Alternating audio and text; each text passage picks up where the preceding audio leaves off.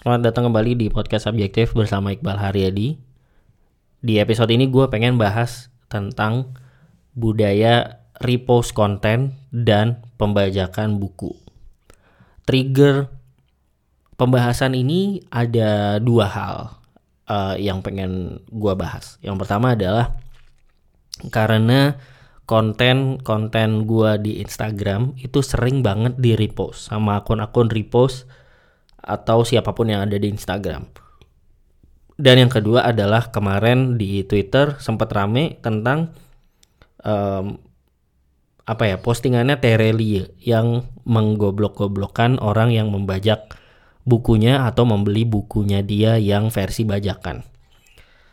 Oke, itu itu dua trigger yang menurut gua yang membuat gua pengen membahas soal ini.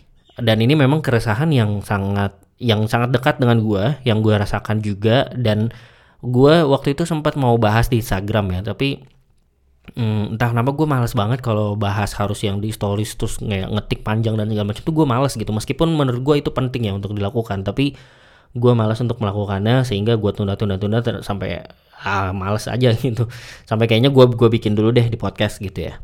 Oke, so mungkin yang pertama ya soal konten-konten gue di Instagram. Jadi mungkin kalau lu belum familiar, gue di Instagram itu Instagram Instagram gue @iqbalhp. Gue sih gue sering bikin konten tulisan-tulisan uh, singkat di post-it. Jadi uh, gue bikin tulisan-tulisan singkat tentang berbagai uh, tema gitu ya. Mostly sih temanya tentang self improvement. Gue tulis di post-it, terus uh, gue bikin kayak carousel gitulah jadi satu post itu satu kalimat atau satu sampai dua kalimat terus gue foto-foto-foto biasanya satu postingan ada 10 uh, post-it lah gitu. Dan itu gua udah gua bikin cukup banyak tuh, mungkin secara konten ada 20 lebih kali ya yang udah gua bikin. Um, dan konten-konten itu cukup ramai, cukup ramai, cukup um, apa banyak disebar, banyak di-share dan beberapa di antaranya juga yang bikin gua punya banyak followers baru lah gitu. Banyak orang yang mulai follow gua karena konten-konten tersebut banyak di-share oleh uh, banyak orang gitu dan mungkin masuk banyak explore dan lain-lain gitu ya. Nah, salah satu kemudian yang terjadi adalah karena rame karena kontennya mungkin banyak yang apa ya orang banyak yang relate dengan konten-konten tersebut dan konten-kontennya bagus banyak akun-akun yang nge-repost um, konten-konten tersebut tanpa memberikan kredit. Um, tanpa izin dan tanpa memberikan kredit. Mungkin kalau izin gue nggak terlalu uh, memusingkan lah. Maksud gue gue juga nggak yang kayak semua orang harus uh, mention gue atau mau nanya bang izin dong nge-repost dan segala macam. Ya menurut gue uh, ya gue somehow gue paham lah. Ya udahlah konsekuensi gitu kan. Ya udahlah udah ada di sana. Ya orang kalau mau repost silahkan gitu. Tapi memberikan kredit, mention atau ngetek gue di postingan tersebut dan mention gue di captionnya untuk ngasih tau orang bahwa postingan itu adalah tulisan gue atau postingan aslinya dari dari gue. Itu yang menurut gue basic manner yang kok orang nggak bisa ya melakukan itu gitu. Kok nggak kepikiran ya di benak mereka bahwa kalau sebuah ada sebuah tulisan, ada sebuah postingan, kalau mereka mau itu bukan mereka yang buat dan mereka posting di tempat mereka, mereka ngasih kredit ke orang yang punya konten tersebut gitu. Um, dan itu kejadian banyak banget.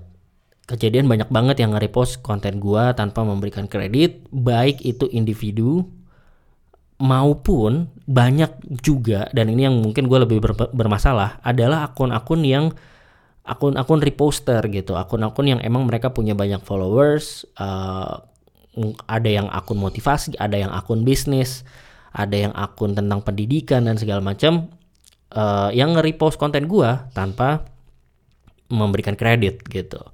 Dan ketika ada satu, gue ngelihat patternnya, ketika ada satu yang nge-repost, tiba-tiba abis itu nge-repost yang banyak. Nah, gue merasa entah kayaknya antara mereka memang satu grup gitu ya. Uh, maksudnya ada misalnya akun at bisnis uh, yuk gitu. Terus nanti tiba-tiba berikutnya ada at uh, mencari uang add apa add apa. Nah mereka tuh nge-repost di waktu yang berdekatan. Entah adminnya sama entah mereka memang ada di satu grup terus mereka eh ini kontennya bagus nih di repost aja semua dan kemudian mereka repost secara bersamaan.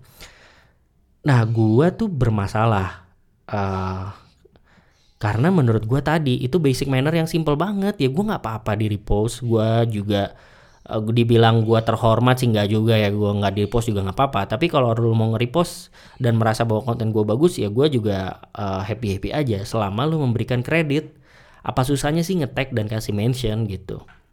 Dan beberapa kali gue nge, nge ketika masih satu dua gue komen tuh di akun di postingan postingannya gue bilang ini punya gue tolong di tag dan dikasih uh, kredit di caption ada yang jawab dan melakukan ada yang melakukan tapi nggak jawab ada yang tidak. Uh, komentar gue nggak dilihat nggak di apa pun nggak diapain di apa-apain sama sekali. Dan gue juga berterima kasih sama banyak banget orang-orang teman-teman gue uh, di Instagram atau ya teman-teman yang follow gue di Instagram yang mention gue atau nge-DM gue dan ngelaporin gitu bang nih ada postingan lu nih. Ini bukannya tulisan lu ya? Ini bukannya postingan lu ya? Kok ini ada di akun mereka dan mereka nggak nyebutin lu dan segala macam itu banyak banget yang ngelaporin gue nah um, yang mau gue bahas adalah eh, itu itu itu itu gue sebenarnya keberatan dan keberatan gue sesimpel ya udah lu kasih mention aja.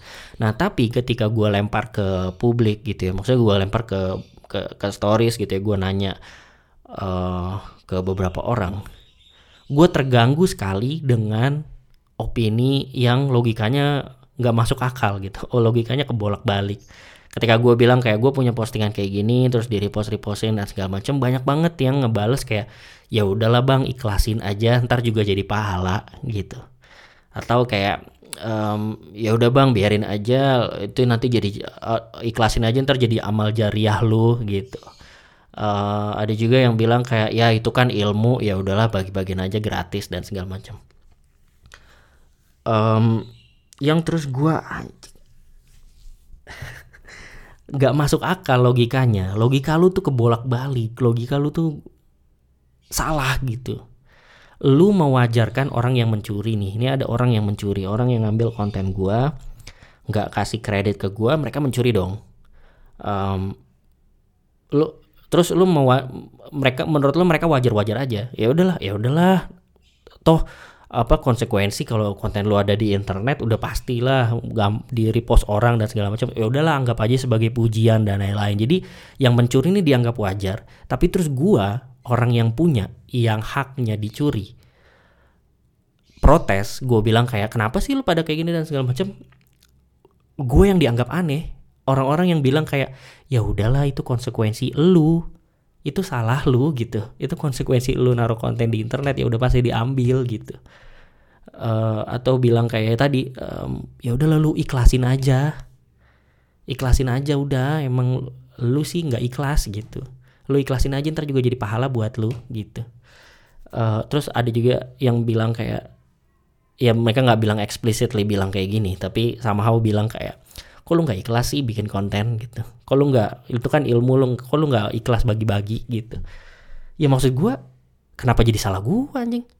Kan gue yang dicuri kontennya. Yang salah bukan gue tapi gue yang disuruh mewajarkan kesalahan itu gitu. Nah itu dari segi logika aja udah nggak masuk akal dan itu menurut gue yang itu lembah terdasar yang dari situ aja udah nggak boleh salah harusnya tapi kebanyakan orang kayak gitu mewajarkan ketika ada pencurian konten diwajarkan. Tapi orang yang punya haknya yang punya karyanya protes malah dianggap aneh. Karena menurut mereka itu emang kejadiannya kayak gitu kalau di internet gitu. Dan gue mungkin berbicara tidak hanya untuk gue sebagai orang yang bikin konten penulis ya tapi lu bayangkan kejadian kayak gini itu terjadi juga sama orang-orang yang bikin ilustrasi orang-orang yang bikin font orang-orang yang bikin lagu mungkin bikin apalah segala macam yang ada di internet mereka mengalami hal yang sama gitu. Ketika ada yang nge-repost mereka nggak berdaya gitu. Uh, bingung juga mau ngapain gitu. Tentu ada yang bilang kayak ya lu sih nggak pakai watermark dan lain-lain. Tapi ya maksud gue toh in the first place gue bikin konten ini gratis di Instagram orang bisa non orang bisa baca orang bisa nikmatin nggak uh, harus bayar untuk ngelihat konten gue di Instagram. Dan kalau mereka mau nge-repost atau nge-share mereka ada tombol share di Instagram. Jadi gue juga nggak yang minta uang dari dan ap, apa salahnya juga kalau gue minta uang gitu. Tapi poinnya gue nggak minta uang. Uh, gue nggak jualan. Gue nggak lagi jualan buku. Beda ini beda nih nanti beda topik nih kalau gue lagi jualan buku. Tapi gue nggak lagi jualan apa apa terus ada yang nyuri dan uh, ada soal patu tuh. Uh, dan dan apa ya kayak gitu gitu. Jadi orang menyalahkan. Nah um, terus mungkin ada juga yang berpikir ya udahlah itu kan akun-akun akun, mereka kan juga masih growing bang. Mungkin followersnya nggak segede lu. Nggak banyak juga yang lebih gede dari gua. Tapi poinnya bukan masalah gede-gedean followers atau enggak akun-akun reposter ini mereka tuh nge-repost konten orang lain dan mereka dapat followers dari situ. Ketika mereka dapat followers mereka jualan sesuatu entah mereka jualan kelas entah mereka jualan workshop entah mereka jualan produk entah mereka jualan buku mereka jualan sesuatu dengan mengumpulkan followers dari konten yang bukan buatan mereka, yang mereka tidak tidak izin dan mereka mungkin tidak kasih kredit. Terus gue dapat apa? Sebagai orang yang punya konten, gue nggak dikasih apa-apa. Terus nanti pasti ada yang bilang, yuk lu ternyata nyari duit. Ya bukan masalah gue nyari duit atau enggak. Dan kalaupun gue nyari duit nggak nggak nggak ada salahnya. Tapi ya lu bayangin orang ini mencuri konten, nggak ngasih kredit ke gua dan dia tuh dapat keuntungan dari situ. Ini sama halnya dengan akun-akun yang uh, mungkin kalau di stand up comedy suka ada tuh kan akun aku tuh akun-akun ini deh akun-akun yang suka bikin jokes gitu-gitu. Mereka kan kerjanya cuma nge-repost video, nge-repost foto, nge-repost tweet orang. Tweet orangnya, orang yang punya tweetnya dapat duit nggak? Dikasih duit nggak sama mereka? Dikasih sesuatu nggak sama mereka?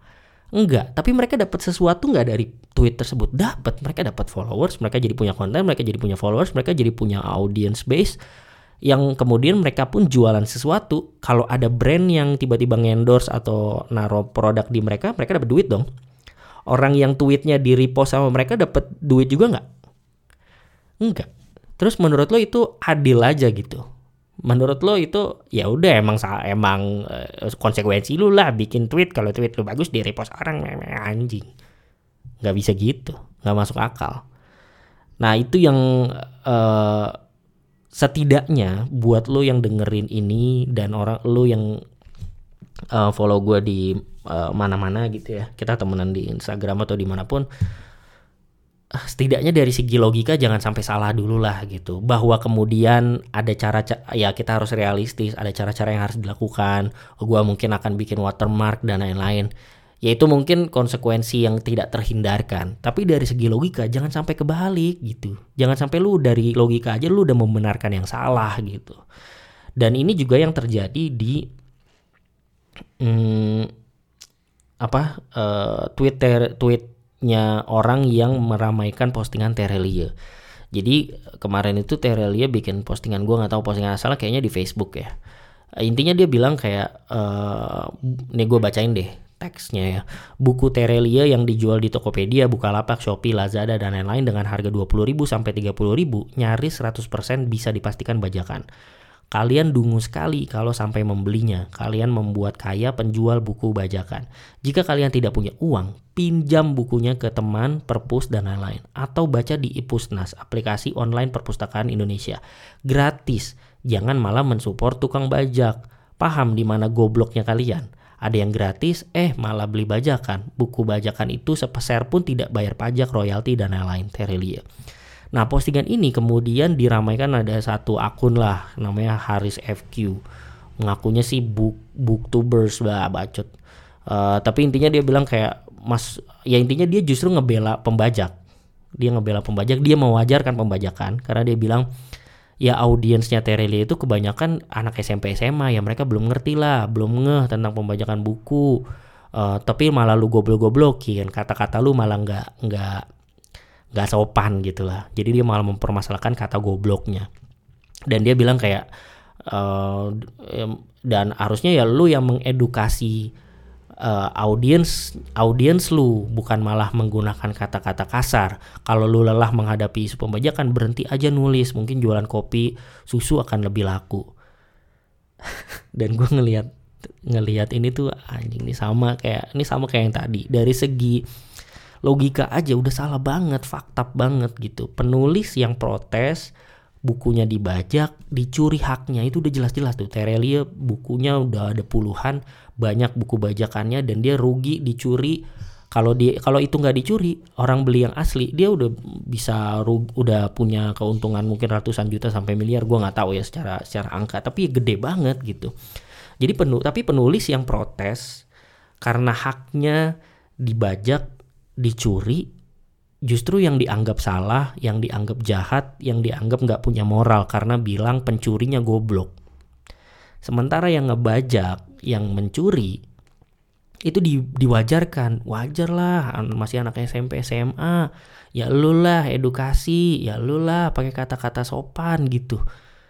Ini fakta banget logikanya gitu. Gimana sih orang yang bener yang dicuri yang jadi korban yang lagi bilang anjing lu yang nyuri dari gua gitu kasar ini dia nggak bilang anjing sih sebenarnya Terelia kan bilangnya goblok gitu ya uh, malah yang dianggap ih lu nggak bermoral lu gitu tapi yang mencuri malah dianggap wajar karena salah lu nggak ngedukasi dia, salah lu bikin buku.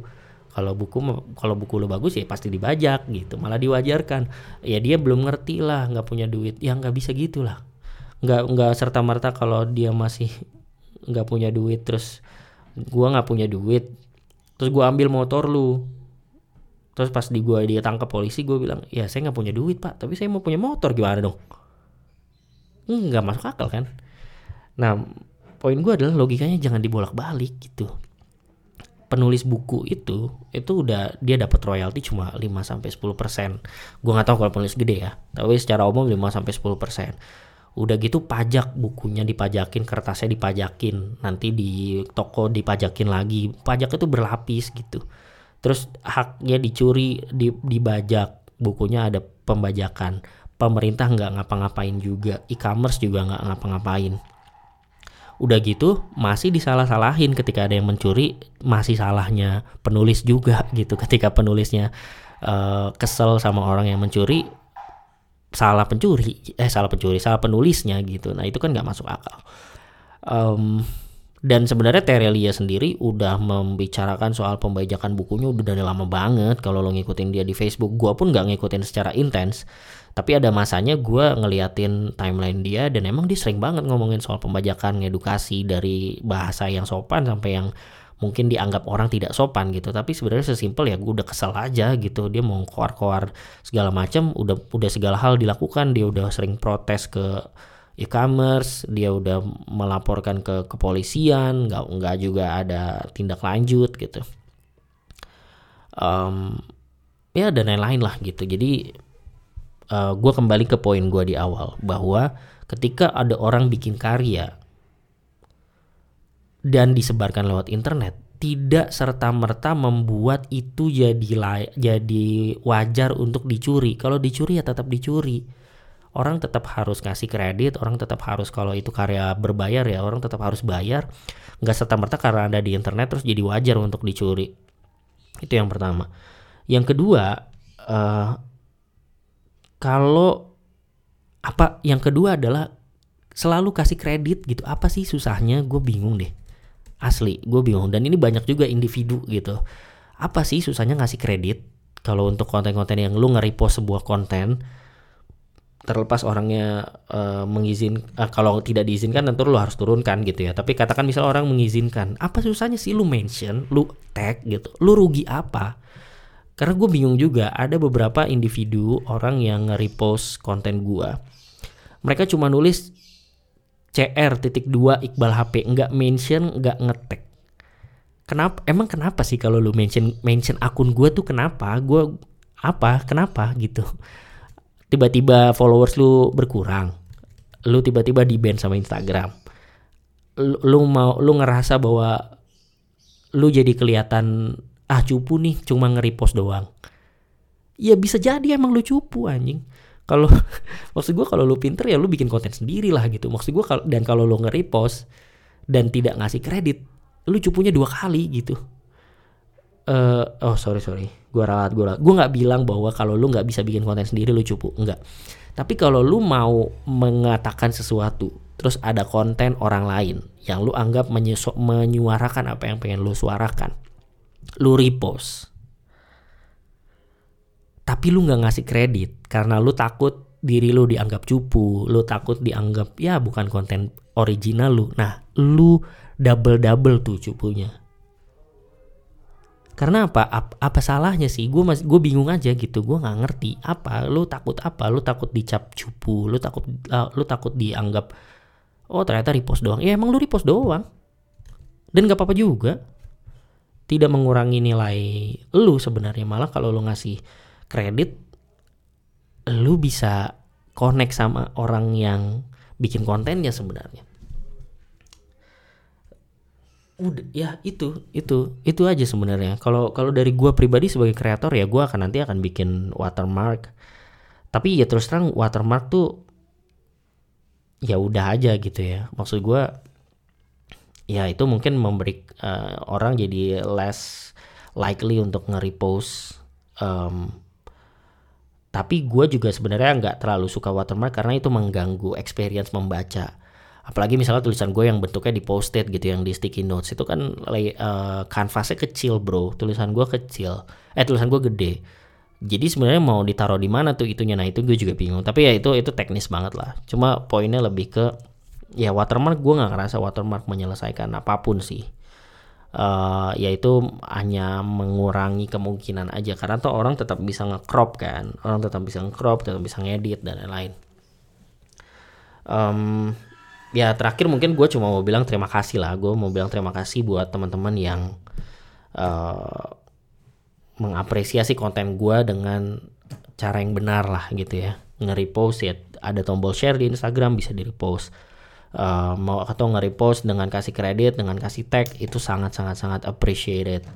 Um, dan orang-orang yang cuma nge-repost um, apa namanya nge ya cuma nge-repost nggak ngasih kredit ngerasa itu kontennya dia dan ngerasa wajar-wajar aja mereka nge-repost sesuatu konten tanpa ngasih kredit ke orang aslinya fuck you. Fuck you dan mudah-mudahan lo dapat hidayah lah. Uh, ya. Hmm, nggak mm, tahu ya. Gue juga mungkin ngerasa nggak banyak atau uh, ketika banyak orang yang nggak nggak nggak merasa bahwa argumen yang gue keluarkan ini masuk akal itu karena orang-orang ini nggak pernah bikin sesuatu.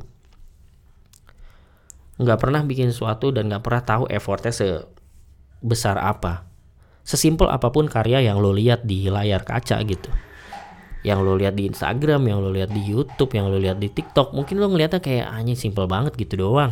Gitu doang itu pakai effort gitu. Jadi ketika ada orang yang mencuri, ada yang me, somehow mengeklaim bahwa itu karya mereka atau tidak memberikan apresiasi kepada orang yang bikin karya aslinya, itu keselnya bukan main. Dan tidak melulu masalah financial tidak melulu masalah oh gue nggak dapet duitnya oh uh, apa harusnya gue dapet duit dan segala macam yes tentu itu uh, ada pertimbangan besar di situ, ada keresahan besar di situ. Tapi sebenarnya bukan hanya soal itu, tapi lebih ke mental orang yang berkarya. Orang yang berkarya itu ngeluarin effort, ngeluarin ide, ngeluarin eksekusi, ngeluarin passion di situ, ngeluarin proses melalui proses yang mungkin untuk bikin karya itu nggak hanya effort di karya itu yang uh, yang bisa membuat karya itu jadi, tapi juga pengalaman-pengalaman sebelumnya. Mungkin dia karena dia patah hati baru dia bisa ngeluarin karya itu gitu. Atau um, ya dia melewati 200 karya sebelumnya sampai dia bisa bikin karya yang kayak gitu. Effort-effort itu yang kemudian kayak wah jadi nggak ada harganya gitu ketika dicuri habis dicuri diwajarkan lagi sama orang-orang yang logikanya nggak masuk akal gitu. Jadi ya mungkin uh, biar nggak tambah panjang lah um, sampai situ aja uh, renting gua semoga lo yang mendengarkan ini bisa dapet lah perspektif gua seperti apa. Gua gue juga nggak bisa bicara atas nama kreator lain tapi kalau dari gua kurang lebih perspektifnya seperti itu. Jadi um, really appreciate you guys yang sangat mengapresiasi siapa pun orang yang berkarya dengan dengan uh, dengan sesuai karyanya gitu. Mungkin dengan membeli karyanya atau mengapresiasi di uh, dengan nge-share karyanya dan mengasih kredit ke orangnya. Sangat-sangat mengapresiasi dan teruskan culture itu karena semakin sering lo melakukan itu maka orang-orang yang berkarya orang-orang kan semakin uh, suka untuk berkarya karena karena lingkungannya apresiatif. Uh, mereka orang-orang yang berkarya tuh but uh, seringnya ketika baru memulai cuma butuh apresiasi aja untuk kemudian mereka lanjut bikin lagi bikin lagi bikin lagi. Jadi kalau lu semakin sering kita bangun budaya apresiatif ini semakin banyak orang yang bikin karya berani bikin karya semakin banyak karya yang ada di sekitar kita semakin uh, uh, semakin banyak inspirasi yang kita bisa dapatkan dalam berbagai bentuk gitu berbagai bentuk karya. Dan pada akhirnya juga uh, kita akan bisa punya ekonomi yang lebih baik gitu uh, sebagai sebuah society karena um, ya orang menghargai apa yang orang lain bikin. Dan mungkin nanti dari sana transaksi berjalan uh, orang jadi pengen tuker uh, tukaran value orang yang berkarya bisa dapat value sehingga bisa bikin karya yang lebih baik lagi dan seterusnya dan seterusnya dan sehingga cycle-nya jadi tuh cycle sebuah uh, society yang apresiatif terhadap karya. Um, itu aja kayaknya dari gue uh, thank you sudah mendengarkan. Please be subjective